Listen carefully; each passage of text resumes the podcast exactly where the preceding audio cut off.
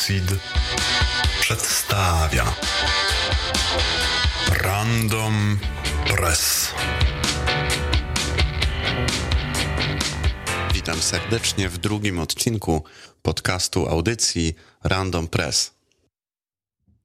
Dzisiejsze wydanie nieco opóźnione z powodu prac nad nową zupełnie audycją Random Case i jej pierwszym odcinkiem poświęconym Akta 2, czyli artykułom 11 i 13 dyrektywy dotyczącej praw autorskich na jednolitym rynku cyfrowym.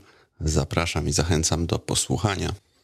A teraz zaczynamy z naszymi cotygodniowymi ciekawostkami z różnych serwisów internetowych.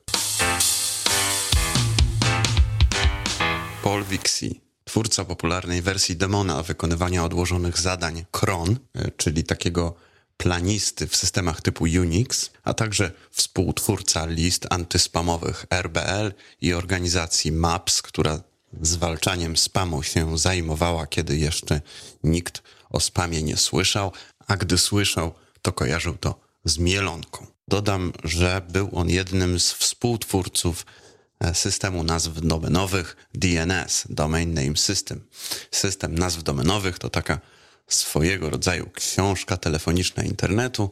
Ona pozwala wprowadzić nazwę i obecny w naszym systemie tak zwany resolver z użyciem i z pomocą rozsianych po całym świecie i schierarchizowanych systemów nazw domenowych, on zamieni tę nazwę na odpowiadający unikatowy adres IP, czyli adres protokołu internetowego, protokołu międzysieciowego, który pozwoli odwołać się do zdalnego systemu i nawiązać z nim połączenie.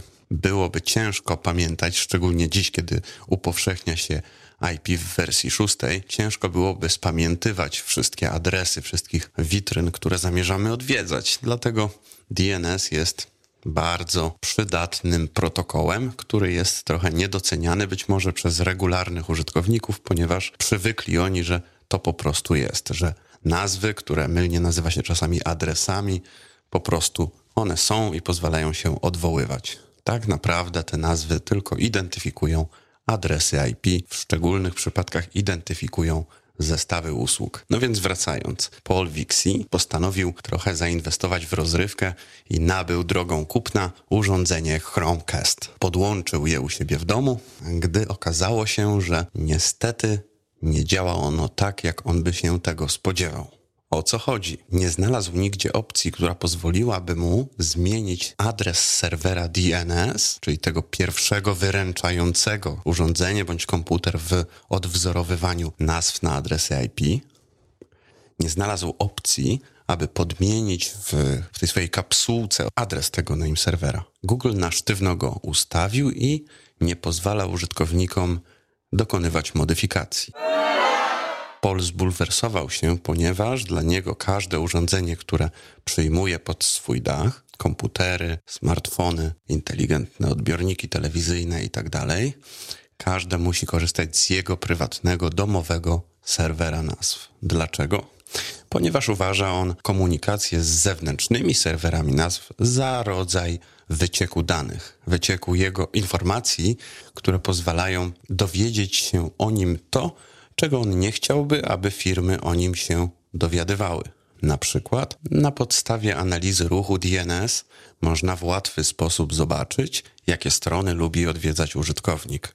Z tego można wywodzić, z jakich sprzętów korzysta Potencjalny napastnik może użyć tej wiedzy na przykład, żeby dokonywać skierowanych ataków wymierzonych w odkryte niedawno albo jeszcze nieodkryte usterki bezpieczeństwa konkretnych modelach urządzeń i ich oprogramowaniu układowym bądź systemie operacyjnym. Póki co, w trakcie przygotowywania tego materiału Google nie odniósł się jeszcze do tych zarzutów. Natomiast Paul poradził sobie z tym tak, że używając inżynierii sieciowej stworzył taki symulowany DNS Google'a o adresie, którego spodziewa się Chromecast i pozwolił temu urządzeniu rozmawiać z tym umieszczonym w domu serwerem DNS w taki sposób, aby kapsułka myślała, że dogaduje się ze swoim panem i władcą firmą Google. Serwis Motherboard cytując jeszcze inny serwis, który z kolei odnosi się do jeszcze innego serwisu podaje wyniki ciekawego badania przeprowadzonego wśród oglądających filmy internautów. Słuchacze podcastów Random Stream, no to nie ukrywajmy, ludzie o nieprzeciętnej inteligencji i wiedzy.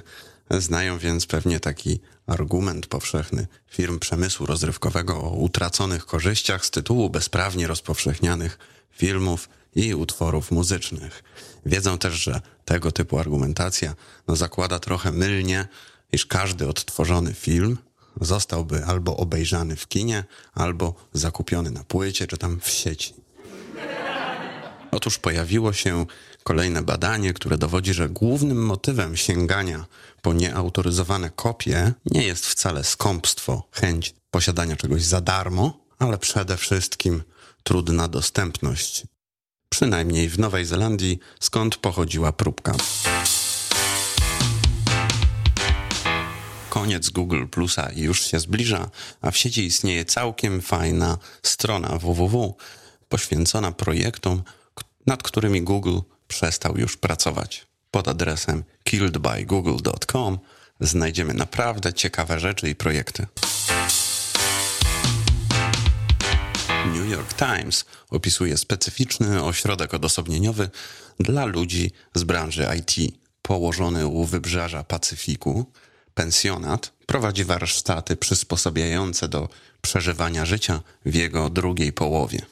Uczestnicy mogą dowiedzieć się o tym, jak żyć w zgodzie z bagami własnego ciała, jak przygotowywać się na to, że jednak ciała umierają, starzeją się.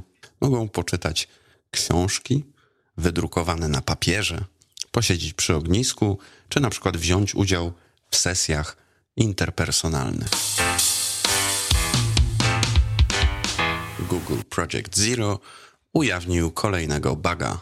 Tym razem ewangelizujące kropidło Google'a wymierzone było w firmę Apple. W Mac OSie i innych systemach bazujących na kernelu XNU z angielskiego X is not Unix, konkretnie w kodzie odpowiedzialnym za obsługę operacji copy on write, istnieje taka usterka, w zasadzie istniała, która pozwalała odpowiednio skonstruowanemu procesowi użytkownika wywo wywołać zmiany w procesie, z którym wcześniej współdzielił on przestrzeń pamięciową w trybie tylko do odczytu. Copy on write to taki mechanizm, który pozwala zaoszczędzać pamięć. Kiedy systemy typu Unix dokonują podziału procesu na macierzysty i potomny, co jest sposobem powoływania procesów do życia, procesy te współdzielą na początku ze sobą pewne przestrzenie adresowe. Mechanizm copy on write gwarantuje nam, że przestrzeń ta dla procesu potomnego pozostanie tylko odczytywalna, nie będzie mógł do niej pisać, ale gdy pojawi się żądanie zapisu, to momentalnie zostanie dopiero wtedy wykonana kopia. I na tej zmodyfikowanej wersji już będzie proces potomny mógł sobie operować. Dzięki temu do momentu faktycznej modyfikacji przestrzeni pamięciowej procesy mogą korzystać z jednego egzemplarza pewnych danych. Oszczędza to pamięć operacyjną. Usterkę już naprawiono i ukazała się w ostatnich aktualizacjach systemu macOS X.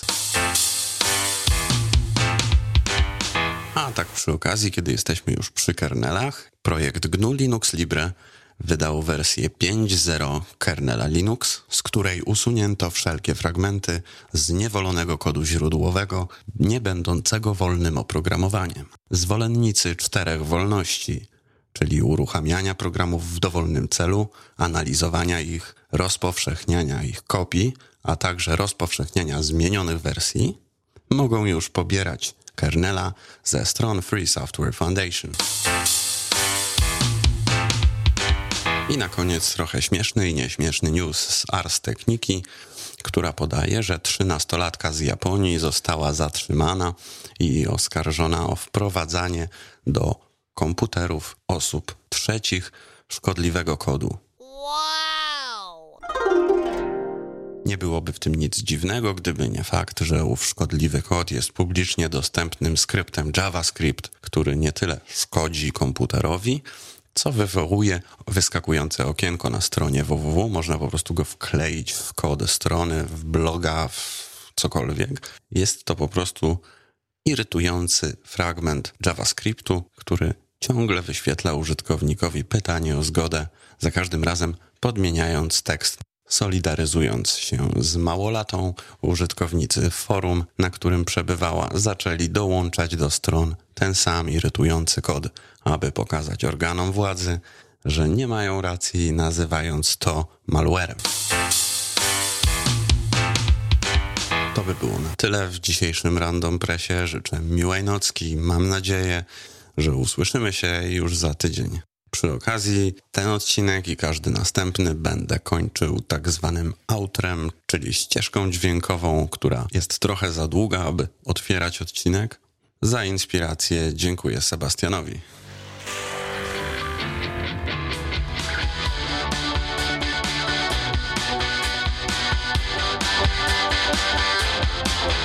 Random Press.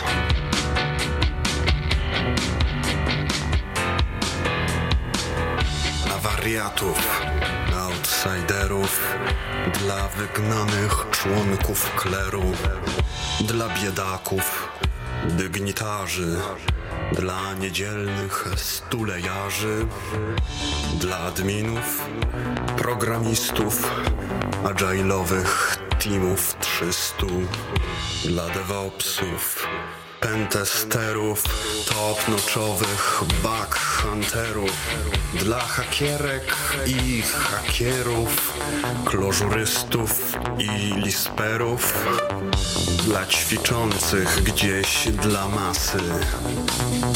Randomowy przegląd prasy.